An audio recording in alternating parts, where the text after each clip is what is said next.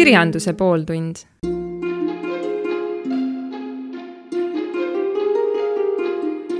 hea kirjanduse pooltunni kuulaja, siin Heldur Lääne.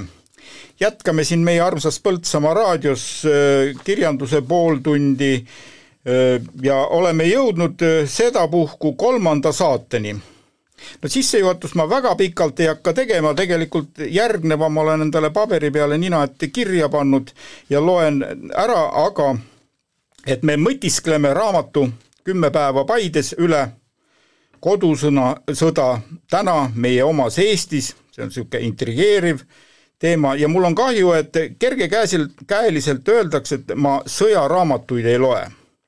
paraku enamuse kirjutatust moodustab ju ikkagi argielu ja sõda on ikka rohkem see taust ja valu pool. eelmisel korral ei rääkinud me sõnagi sõjast ja ka seekord mitte väga, pigem uurime olmeelu, aga eks siis neljas ja viimane kord saab action olema ja paneb punkti. seni olge järjel ja, ja ärge andke vaatamata teema tõsidusele alla raamat Kümme päeva Paides ei ole tilgutumaks pigistatud, vaid vastupidi, ta lausa nõretab tekstidest ja sündmustest.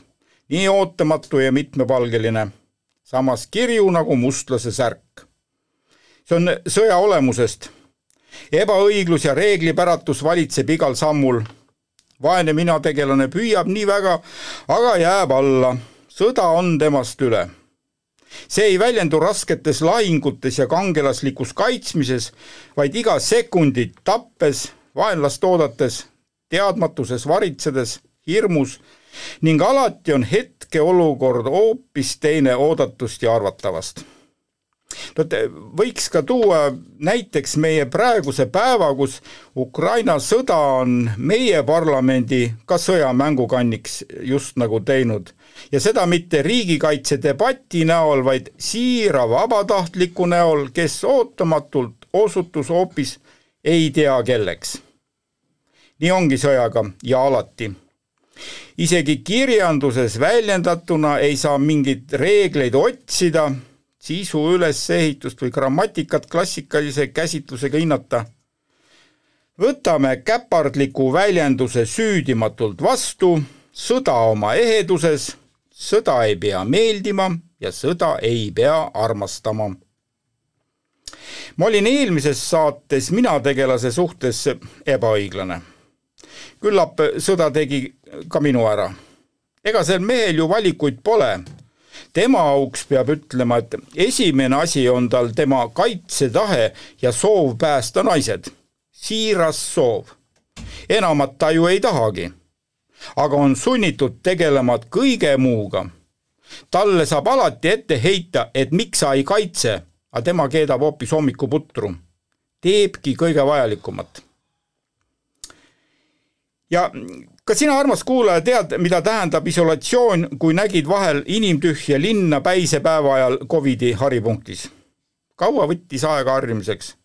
kaua, et kõik normaalseks muutus lisame siis juurde, et sa ei näe ka ööpäeva vaheldumist ja pead võimalikult vaikselt elama. saame tunde, mis valitseb meie tegelaste peas. mida päev edasi, seda raskemaks läheb ja kui ma pidasin meie kangelast eelmisel korral veidi tohmakaks, siis täna palun andeks. esiteks, mõistus vist kaetab end ise, kui sellised katsumused õlul teiseks peab uuteks ja hullemateks katsumusteks valmis olema, seega jõuvarusid, meelekindlust hoidma ja säästma. no lolliks minnakse nagunii. kindlasti ei saa küsida, mis jama ma kokku olen kirjutanud. see pole mina. selle on sõda ise ette öelnud ja ma poleks mingi raha eest seda kirja pannud, kui ma kindlalt ei teaks. seda mõista ongi neetult keeruline, seda peab kogema. parem siis juba raamatu läbi, kui läbi tegelikkuse. nojah, et viskame pilgu nende olme poole peale, sest lood, mis mina tegelase peas tekivad ja mida me siin nüüd lugenud ei tea millest milleni, lähevad järjest kreisimaks ja sa, armas lugeja, ei pruugi enam arugi saada, millest jutt ja seetõttu ma tõesti jätan selle mõnu sulle endale, kui sul peaks see raamat kunagi käes olema. samas jälle lugege tänaseid uudiseid ja tehkegi midagi reaalselt, et see mõttetus meie lähedal kaoks.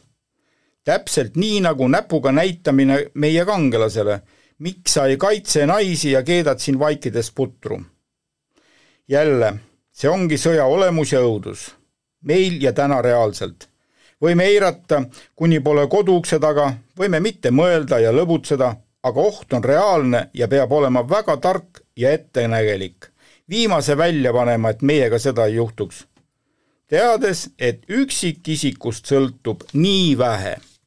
nüüd mul see väike epistel on ka tehtud ja, ja nii nagu oli, et, et läheme siis sinna olmeelu juurde enne suurt Häksenit järgmisel korral ja noh, mis siis seal neil esimene nagu probleem nüüd selle pikema aja jooksul on, algab niimoodi.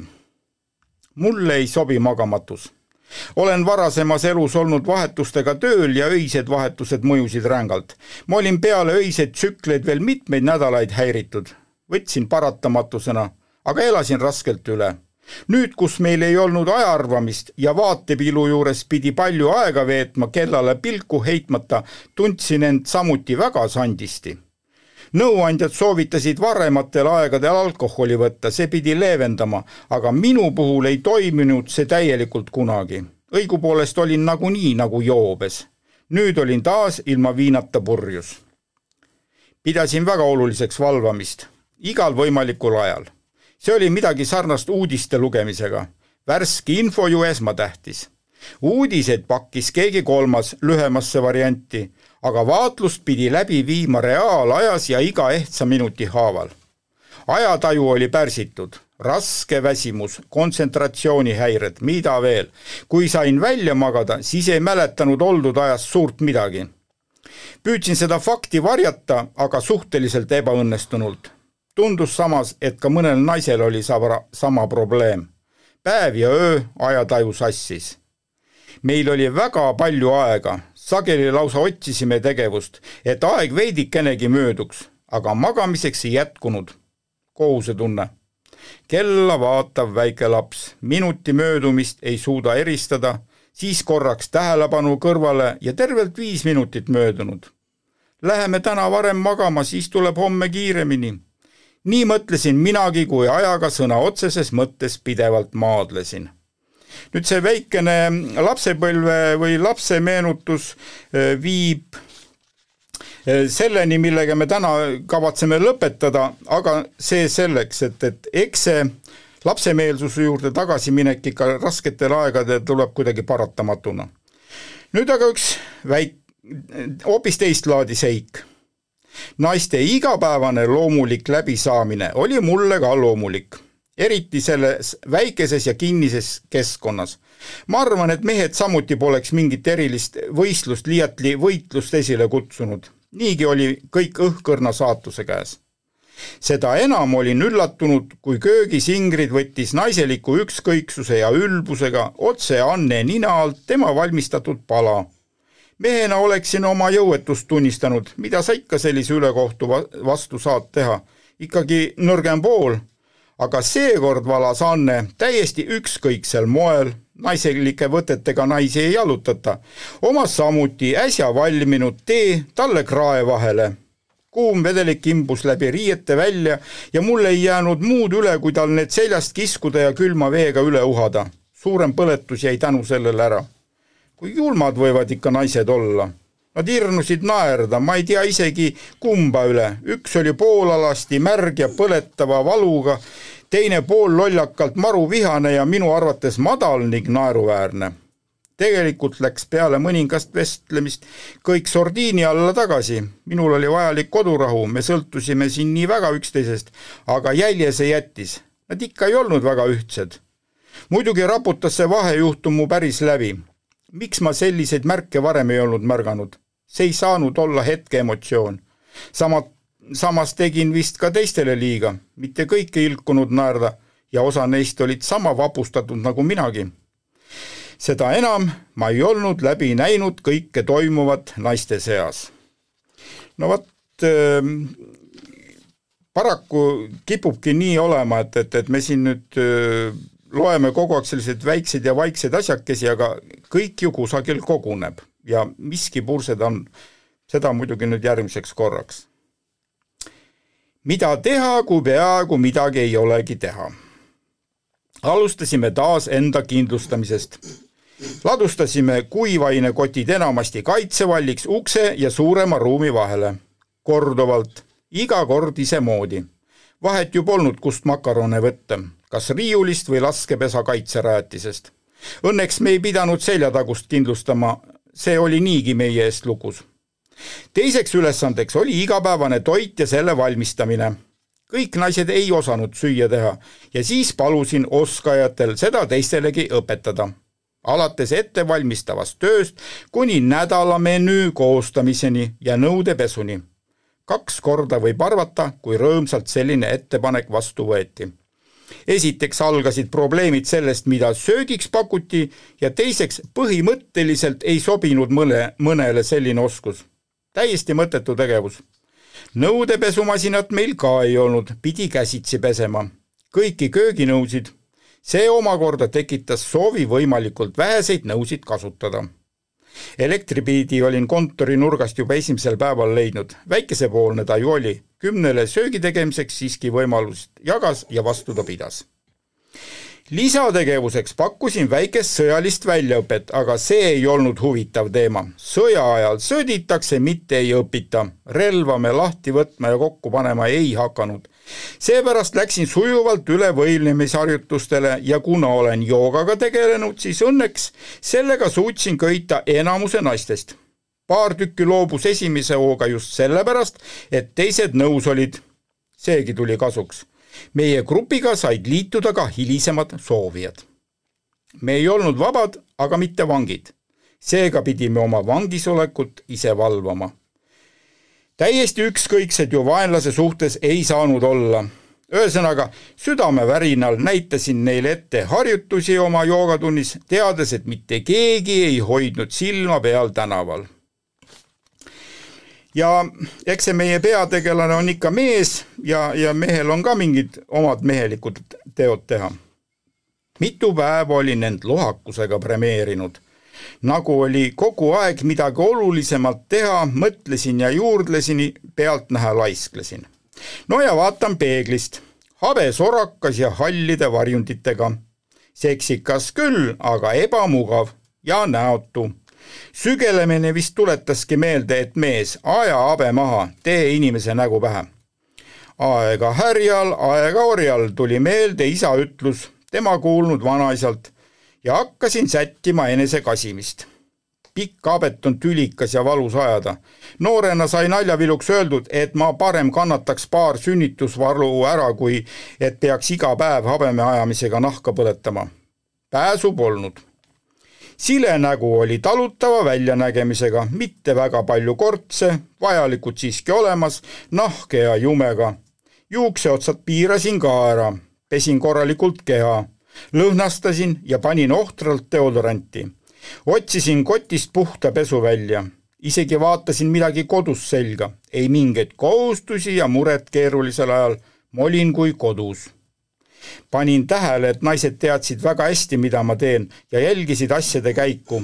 lootsin väikese rõõmsa üllatuse teha. ei andnud enne kõige valmis saamist näole. astusin suurde ruumi, ise sisemiselt särav mitte mingit reaktsiooni. silmasin, et mõnelgi ninasõrmed liikusid minu aroomidest, aga mitte mingit verbaalset väljendust. kuidas siis täna kulgeb, tundsin hooletult huvi. täitsa tavaliselt, oli vastus ja igaüks tegi, mida varemgi. oleks saanud aknast välja vaadata, oleksid nad leidnud sealt midagi huvitavamat. täiesti tavaline kusagilt tuttav arvamine, kui püüdsin midagi üllatavat pakkuda, nagu sõna ei igale minu pakkumisele esimese hooga, mis suunatud naissoole. lihtsalt esialgne vastus, et varuda aega mõtlemiseks ja õigeks otsustuseks. Las siis nii olla, mina olin pestud, kustud, kammitud ja tundsin end hästi. püüdsin ju iseenese tarkusest ikka väheke džentelmen olla, ilma tagamõtteta. et eks ta tahab ikka mees olla ja, ja järgnevad lood vist hakkavad ka e, sinnapoole kiskuma. Aga eks siis meestel ikka on see majanduslik mure ja, ja see materiaalsem pool, nii et, et läheme selle teemaga edasi. meil oli mingi vaikimisi ühtsus, oli kindlasti. kui me jagelesime, siis oli erimeelsusi. mina püüdsin olla alalhoidlik, pidades silmas pikemat perspektiivi, aga teised keldrielanikud tahtsid olla nagu tavaliselt, sest neil oli väga raske olla ebatavaliselt. see ahistas neid väga raske vaielda, aga kuidas siis ikkagi hoida tagavarasid? alustasin järjekordse koolitunniga. tuleb kuidagi neid köita, panna huvi tundma jutu sisu vasta, olla arusaadav.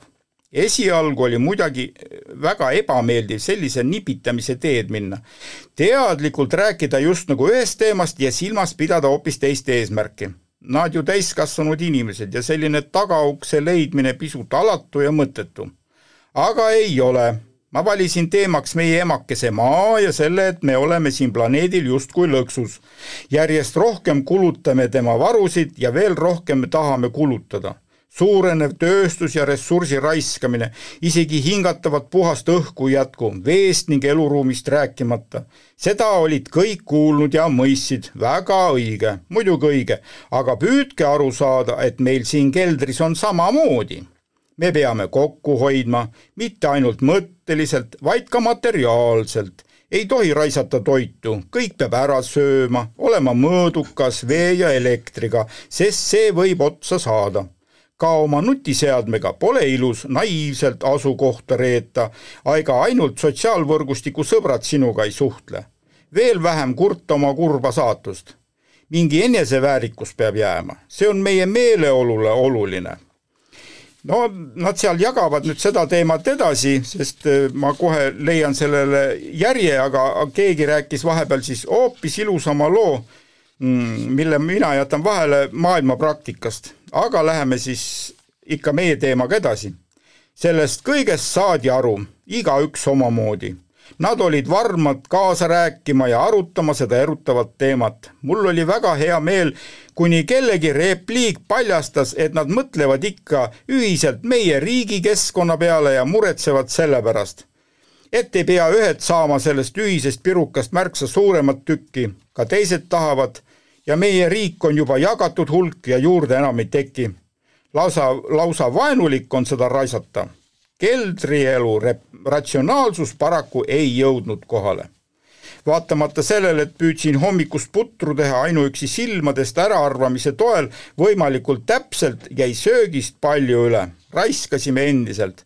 ohates mõtlesin, et eks nad vähemalt siis oskavad kokkuhoidlikud olla, kui siit ükskord pääsevad ja riiki kaitsevad iga ihurakuga, iga liivatera otstarbekalt kasutades see on nüüd tegelikult selline nii üldinimlik äh, teema, et, et seda võiks võib-olla isegi kaks korda ette lugeda, äh, aga meie läheme edasi, sest äh, juttu on olnud sellest, et, et kogu aeg peab ikka välja piiluma, et mis väljas olukord on ja ja siis on sellest nüüd natukene selline terviklikum lugu ka kirjas kuna me olime kõige esimesed eesliinil, siis nägin üle väljaku Vee tänaval ja kiriku taga rahulikult toimetavaid vastaseid. Nad tundsid end vabalt, juhtus lausa, et nägupidi tuttavaid. mõtlesin pingsalt neile mingit vingerpussi mängida, aga midagi head ei tulnud pähe. hoopis närvi ajas minu piiratus ja nende kättesaamatus. Vee tänava nurgal käisid nad vett viskamas, kusemas kas see oli põlgus meie poole vastu või oli see julgustükk tõestamaks oma vaprust või veel mingi põhjus? ega see neile väga eluohtlik ei, ju ei olnud, aga minule olid nad enese teadmata otse kaadris. ma esimese hooga ei andnud naistele sellest isegi teada, pole vaja olla liputajate pealtvaataja põhimõtteliselt ma ei salli tee ääres kusevaid autojuhti, kõrvaltänavas vastu seina soristajaid. minu põis pidas ka pika päeva vastu, terve mees ja tema põis sellega, seega selline londi ootamatu haaramine oli oma osa mingist eputamisest, rituaalist, enesenäitamisest, väga ropp eksponeerimine. pigem viitas arengupeetusele, ometi oli selline komme olemas ja tundub, et grupitavana lausa laiutas üle tänava. muidugi said naised sellest peagi teada ja mingi sportlik huvi neil selle vastu oli. teada said nad seepärast, et mina läksin mitte ainult mõttes, vaid ka väliselt marru no ei kuse mulle näkku. võtsin AK ja hakkasin laskmise plaane pidama. lasen munad tagant, kui liputavad. ühe lasuga näitan koha kätte. relva sai kenasti paika panna. tegin nari moodi asja ja seal oli laskeasend nagu tiirus, hea täpne sihtida. rikkusid minu rõõmu kaks asjaolu. esiteks ei mahtunud läbi resti korraga sihtima ja raud välja kui torkasid raua välja, jäi rest sistimisele ette, kui saad vabalt sihtida, oli raud resti taga varjus, kuul läheb rändama. resti ribid olid liiga kitsaste vahedega, paraku ideaalsed piilumiseks. auku suuremaks ma ei riskinud teha, see oleks kohe meid välja andnud. külje pealt lasta, pilud horisontaalsed ka ei söandanud, ei tea ju, kuidas relv käitub. Proovisin mõttes, aga ka endale tundus see koomiline ja mitte tõsiseltvõetav ja veel, relv oli ju katsetamata. valangu laskmine on üks asi, aga üksiklasuga täpsuslaskmine, see pidi ju ühe lasuga toimuma, oli küsitav ja möödalasuga oleksin jälle asukoha reetnud. sellealast koolitust olin korduvalt saanud, nõela ja kao. mina olin suure kojaga tigu, kiiresti kaduda ei olnud võimalik olin sisemiselt raevus, aga viimase punkti pani Kristel, kes süütult küsis, nähes minu ponnistusi naril oma asemekohal, kas sa meie magamistoast hakkadki inimesi tapma? mis magamistoast, vaid mõni päev siin keldris oldud, mis inimesi, vaenlasi ja mitte tapma, vaid hävitama. ära see kõik jäi asjaolude kokkulangemisel, liiga palju vettpidavaid vastuargumente, alatus laiutas üle väljaku. jah, midagi ei olnud teha, sest samas kohati arukas alatus. tundus, et meie olemasolu vaevas nende pead millegipärast nad aimasid meie asupaika, aga ilmselt nad ei olnud selles kindlad.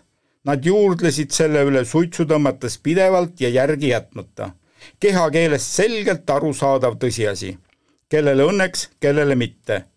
ja mida see keldri vallutamine oleks andnud, ega meie poolt ju edasi rünnata ei saanud, meil oli sein ees. seega meie asukoht ei olnud oluline, meie ohtlikkus ei olnud oluline ja las me siis seal olla, kui me ise tahame meie jälle ei tahtnud, aga polnud muud väljapääsu. eks jah, see pikk istumine paneb ikka mehe igasuguseid nentimisi tegema, et noh, tal vist tegelikult kaks asja ongi, et, et kas ta mõtleb pikki lugusid või siis nendib teatud seisusid. ja võtame siis jälle edasi, et, et nii nagu jutt oli, et, et väga neid tema lugusid ma ei hakka täna lugema, viimaseks küll, aga, aga vaatame, mis ta siis jälle nende nentimistega teeb. no filosofeerib, ütleme nii siia sõites olin väga motiveeritud, ma kordan seda juba mitmendat korda üle. mul oli kindel nägemus, mis mind ees ootab. olin meelde jätnud kogu väljaõppe detailide keerukuses ja valmis seda rakendama. lootsin leida ees sama kogenud mehed, kes saavad ülesande ja täidavad selle väga professionaalselt ja konkreetselt võidupanuseks see, mis väga lühikese aja jooksul juhtus, oli muidugi võimalik, võimatu ette arvata nüüd ma olin ka väga motiveeritud, aga seda sõjapidamise kunsti ei olnud vaja vallata. mul oli hoopis olulised isikutevahelised suhted, sugudevahelised suhted. psühholoogia muidugi, aga mitte selles sõjaväljal kasutatav haru, vaid see igapäevane pool. sõda vist ongi sellepärast sõda, et seal ei ole reegleid. kõik on pea peale pööratud ja lahendused tuleb ise käigu pealt välja mõelda. see on sõja olemus sellisel pehmel moel väljendudes. jumal hoidku, et ei peaks midagi karmimat ebareeglipärasust rakendama. must miljon meeletut ebainimlikkust. kaotatud elu ei anta ei pehmema ega karmima poole pealt tagasi. vigu kandsime me kõik endaga kaasas, aga seda, mis meiega lihtsalt juhtus, ei olnud meie võimuses vältida. paratamatus on ka sõja osa. milline oinas selle keldri valis, see jäigi teadmata uksega otse vaenlase poole. huvitaval kombel ei tundnud keegi puudust rohelusest. me ei olnud just täiesti linnainimesed, aga ometi ei tulnud mõttessegi tahta metsa minna, niidul jalutada enamikku taime me tundsime jutuajamisest ju aru saada, lindeloomi ka, aga pigem vist tavalise aabitsa tasemel kellelgi ei olnud kutset või tungi loodusesse. olime mentaalsed urbanistid, kes tundsid krokodilli sama hästi kui karu või jänest pildi peal. roo tsiitsitajast polnud kuulnudki. tihase ja leevikese vahel erinevuse leidmine tegi juba äravaks. isegi Alutaguse naised. ja siin vahepeal tuleb nüüd üks ilus looduse lugu, aga, aga seesama meie päritolu mm, jätkub ja niimoodi. Kuhu kadus meie looduse taju? kas see, et päevavalgust peaaegu ei olnudki ja me kella, kellegi elektriarvet kasvatasime, oli sundinud unustama ka selle, kust me pärit. meie ja loodusrahvas, põlislaas, meie kaitsja. võin kihla vedada, et seda keldrit ei oleks mitte ükski meist olnud nõus suurema kuusemetsa vastu vahetama siin tundsime maa vibreerimist, mis suunas liigutakse, kustpoolt lastakse, isegi prožektorite valgusvihke tundsime läbi seina. siin oli kindel ja turvaline kookon, siin ei olnud putukaid. värsket õhku oli piisavalt ventilatsiooniavadest tulemas ja see kerge higihais ja muud naiste lõhnad ei seganud meid kuidagi. seda viimast ju tundsin muidugi ainult mina. kahtlustan, et see naiste lõhn ninas panigi paika hakka pikapeale minu mõtted naiste mõtteid mõtlema. alateadlikult äratas minus uuesti noore mehe, alfaisase. elukogemus oli muidugi sellest üle ja ma võtsin kõike mõistusega, aga loodusrahvas ei olnud me enam ammugi. spontaansed jutustamise kihud on psühholoogiliselt põhjendatavad. vaat ja nüüd see tema nentimine oli päris õige, et, et, et ilmselt ikka see naiste keskel elamine pani ka selle vanema mehe siis öö, naiste mõtteid kuidagi alateadlikult öö, mõtlema. olukord tundus vahel kohati jabur. selline naistega sunnitud kooselu oleks mõnele noorele mehele lausa märjaks unenäoks. mulle paraku mitte ma olin oma naises kinni ja kohati kahetsesin siia sõitu. suunasin mõtte elukogemusest teistele radadele. sarnast tapetakse sarnasega. olin kord ühe semuga kaugel lõunamaa Vaikse ookeani äärses Aasias reisil mees oli vägagi elumees ja eks see emaste sebimine oli lausa randme sees. terve päeva semmisime kõikvõimalike naistega ja õhtuks oligi üks kena söömaaeg kahe kaunitariga kokku lepitud ainult et kui ma õhtul enne väljaminekut nõnda öelda kaela pesin, tuli kaaslane mu juurde ja ütles, et ta ikka ei saa tulla. mine ja võta kõrvaltoa kutt kaasa. mis viga tundsin huvi? selline seis, et tema on abielus ja mina vallaline. mina saan teha, mida tahan, aga tema ei taha oma naist petta, sest ega täna õhtul enne selle rongi pealt maha ei hüpata, kui lõpppeatus käes. tal olla väga hea naine kui vaadata, milline naistemees ta terve päev oli, siis tõepoolest hea naine. müts maha mehe või siis naise ees, igatahes mina õppisin sellest palju. samalaadset, aga mõneti vastasmärgiga probleemi mainis ka mu isa. tema noorpõlves jälle oli hirmuks, et kui noored poisid Venemaale kroonu võeti, siis mõni ei tulnudki üksi tagasi kaks ja enem, enamgi aastat kordagi koju saamata, pani kohalikus külas hellust otsima ja need lapsed tulevad nii äkki, et ega ilma abielupaberiteta ei pääsenud ja ega siis oma seaduslikku naist ja last maha ei jäta. ka tema vanemad olid keelitanud, et tee, mis sa seal teed, peaasi, et naise Eestis võtad, saavad äiad-ämmad vähemalt omavahel eesti keeles rääkida. Oligi siis läinud kindla teadmisega, et sõjaväes naist ei võeta, üks vähestest asjadest, millega vanematega nõus oli aga see tuli meelde siis, kui ta keset suvist kuuvalget südaööd vene kaunitariga käest kinni lõputul põlluteel jalutas. käisid kinos ja siis jäid juttu ajama, no isegi hulgana kallistusi, suudlusi, aga õnneks asi kaugemale ei läinud. vedas tüdruk teda edasi oma kodu poole. laulis ja oli nii õnnelik ja muidugi rabavalt ilus sellisel ajal meenutada tõdemust, et mida sa kunagi sai lubatud, oli mõnes mõttes isegi alatu kahe jalaga kohe tagasi maa peale. aga ei taha loobuda sellest meeletust maalilisest viljapõllust kuupaistel, printsessina ilusast õnnelikust tüdrukust, igavikulisest õnnest, mis põue pugenud. kas tõesti sa lihtsalt ei tohi seda kõike endale lubada? ma ei pea ju üldse koju tagasi minema, ma võin ka siin oma perega elada. selline mõttetulv peas. siis jälle, et ma pole vanemaid juba üle aasta näinud ja koduigatsus tuleb ikka veel väga valusalt meelde kuidas olla ja mida teha. Õnneks tulid tüdruku vennad ka sama teed pidi kusagilt koju, pakkusid suutäie viina ja küsisid tüdruku eest lunaraha. ega ta meie oma ole, ikka koloosi oma, aga me teeme veidi vahelt, hirnusid naerda. solvasid oma õde, rahustasid minu isa meeli ja tõid tagasi otsuse kindluse. Isegi tüdruku nime ei mäleta, kui siis seda ületamatut õnnetunnet siin ja praegu rinnas, isegi aastate tagant, kuni uus tüdruk, minu ema, selle sealt maha pesi vot sellised lood, aga, aga siis nüüd ikka taustaks, et kust niisugused jood saavad pähe tulla, siis meil oli vahel isegi palav. ventilatsiooniavad töötasid suurepäraselt, aga olid vetik-, väikesed. Ka morkades sai jalutamas käia ja kui midagi füüsilist just ei teinud, siis oli päris normaalne. ma leidsin lisaks paar tuulutusava ja siis läks asi tunduvalt paremaks magasime muidugi väga õhukese tekiga.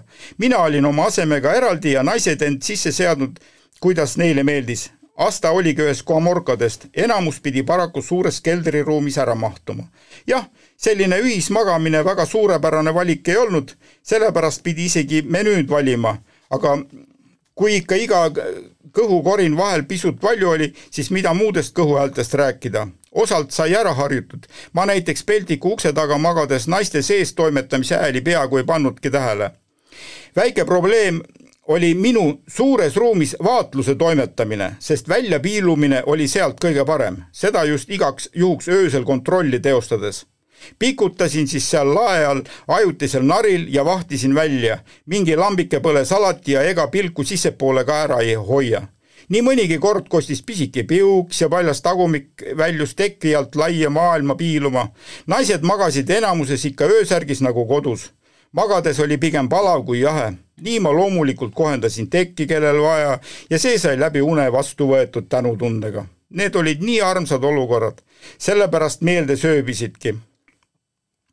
Millisesse eriskummalisse olukorda võib sattuda, mis samas nii naturaalne ja mõistetav. jah, naturaalne ja mõistetav kõik ja hakkab juba idülli moodi minema aga nüüd siis äh, räägime sellest, et ikka minnakse selliste katsumuste juures ka lapsemeelseks ja, ja mõttega lapsepõlve. olin oma lemmikpaigas, aianurgas kõrgus vana lagunenud aidakivine nurk ja sinna otsa põõsaste vahele sai istuda ning kaugele näha. Päripidi langes ka õhtupäike. mina istusin kõrgema koha peal ja ka nähtav tõusis veidi kõrgemale, nii moodustus kui hiiglasuur teatrilava vaade oli ühelt poolt alati igav ja mitte midagi ütlev, teisalt lausa vapustav oma detailides ja ootamatu kõike lubavas. istusin sageli õhtu eelise ajal ja lihtsalt vaatasin ja passisin midagi erilist. täna ma ootasin, nad pidid ju tulema. Kivine pind, millel ma istusin, õhkas päevasoojust, kuiv ja soe tunne, pilk lõpmatuses. põõsaste kaisedes trügis lähemale suur ja karvane muri vana koer heitis minu kõrvale ja nii sain ma toetuda käe koera hiigelkõrjale tur-, kõrgele turjale. ka see oli päikesest mõnusalt lämmi, karmid karvad kergelt kõditamas. vaatlesime vaikselt kahekesi ja jälgisime kaugust paralleelselt silmapiiriga kulges tee, see oli silmale nähtamatu, peidetud heinamaa rohuvarju, aga tegelikult elutee, ainus suurem siinkandis, enamasti sõideti meie külast mööda. mõtlesin sageli, et kuhu nad küll võivad minna, mis asi neil on ajada, enamasti tähendas teele minek ärasõitmist, kusagile maailma minekut, mahajääjaid jäid maha. Olin peaaegu igal siin istumise korral ka nii mõelnud, et nüüd on minu kord, ka mina lähen siit ära ainult seda ei vaadata nii, nagu mina seda teen, sest vaatajaid enam ei ole. muidugi viiakse mind kord vanavanemate juurest tagasi koju, aga millal? mingi mootorratas põrises maanteel tolmusaba järel, aga kauguse tõttu jõudis heli hulk aega hiljem kohale ja nii nägin asju, mida veel polnud kuulda. mootori jõuramist aukudes alles siis, kui ratal juba, radas juba siledal teel ja hüplevalt sõitis surisedes mootor rahulikult soe oli, aga putukaid polnud. kostis kopsimist, seda oli juba ter-, läbi terve suve kostnud seal majapidamises ehitada. ma mõt-, mõistsin, et ehitamine tähendab kopsimist, alati on ehitusel midagi taguda ja kolistada, see ongi ehitus. kas nad tulevad õhtuse bussiga või mingi muu asjaga saabumas? Nad tulid alati kuidagi äraarvamatul moel päev oli olnud päris väsitav. võib-olla ma ise tahtsingi kogu aeg toimetada, et aeg rutem mööduks ja tuleks ometi õhtu. hommikul käis piimamees ja viis piima ära, see oli ikka päris vara. paterdasin paljajalu hommikuses kastes õuemurus. aeti mõni sõna vanainimese juttu, piimamees küsis vanaisalt kalja, see ast jäi tühinenud, tühjenenud kunagi selles majapidamises, visati mingi uus või vana nali ja juba ta läinud oligi. see-eest oli äratus tehtud ja asuti hommikusöögilauda. päeva edenedes asus vanaisa kaljamaterjali tünni, tünni lisama. veel oli teda seal põhjas aga parasjagu kangeks läinud ja värske laar tuli käima panna. kooris suhkrupeeti, lõikas viiludeks, toimetas ja toimetas. olin oma väitsega pidevalt ligi muidugi ma vahel ka segasin seda töö tegemist, aga me olime paaris niimoodi kaua aega koos olnud, seega harjunud ja põhimõtteliselt kõik toimis nagu õlitatult. veed keema ja peagi oli see asi valmis. siis läks vanaisa hagu raiuma ja mina tuppa vanaema manu köögist läbi minnes suu matsuma, söögikordi oli majas üks, hommikul algas ja õhtul lõppes. siis jõudis teha, vanaemal oli väga palju värviliste piltidega ajakirju. ta oli õmbleja ja sealt võeti moodi. olid Saksa ja Läti ja vanad Eesti omad, kaasaegseid ei olnud siis joonistasin ma mõnele lehejupile või vabale pinnale, mängisin niidurullidega, kuni villand sai ja läksin uuesti õue. muri pistis koonu pihku ja me suundusime karjamaale. seal sai igat rohututti uuritud, koera seljas ratsa sõidetud, lõokese pesa leitud, siis koeraga maadeldud, et see mune ära ei sööks ja uuesti koju tagasi vahepeal ei olnud midagi teha. kopsimine kostus jälle ooksamine, vanad olid sageli öelnud, et need mehed on ikka väga kõvad tööloomad, panevad hilisõhtuni välja. eks neil oli siis ehitamisega tuli takus. aga iga, ikka kostis iga löögi peale kaks kopsatust ja hiljem, kui löödi. jalakäija ilmus teele, see ei olnud ema, oli vanem memm, kepiga ja astus hiiglama aeglasest astumist ei olnud kuulda, aga imekombel kostis vaikset madalat jutumõminat. küllap memm rääkis iseendaga või laulis teel olles. täpsemalt oli raske aru saada.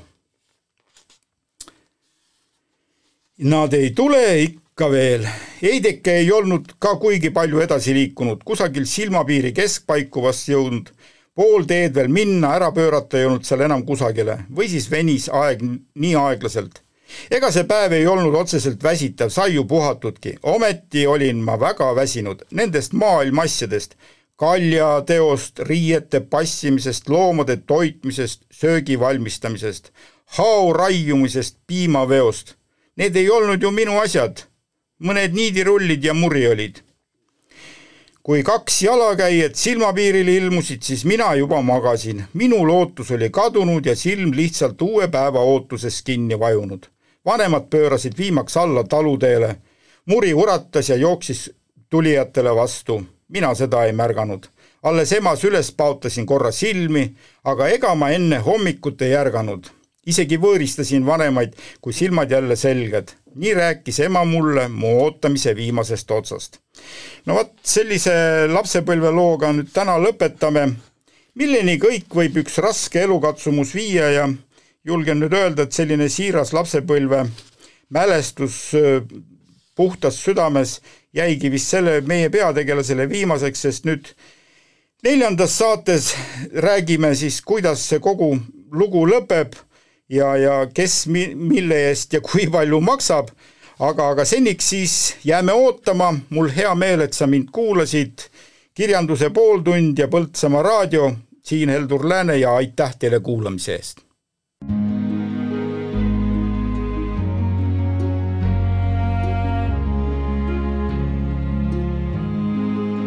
Kirjanduse pooltund.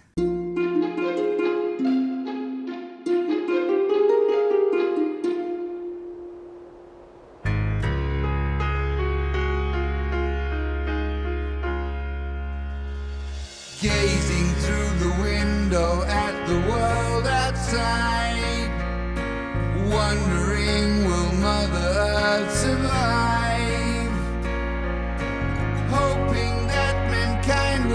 But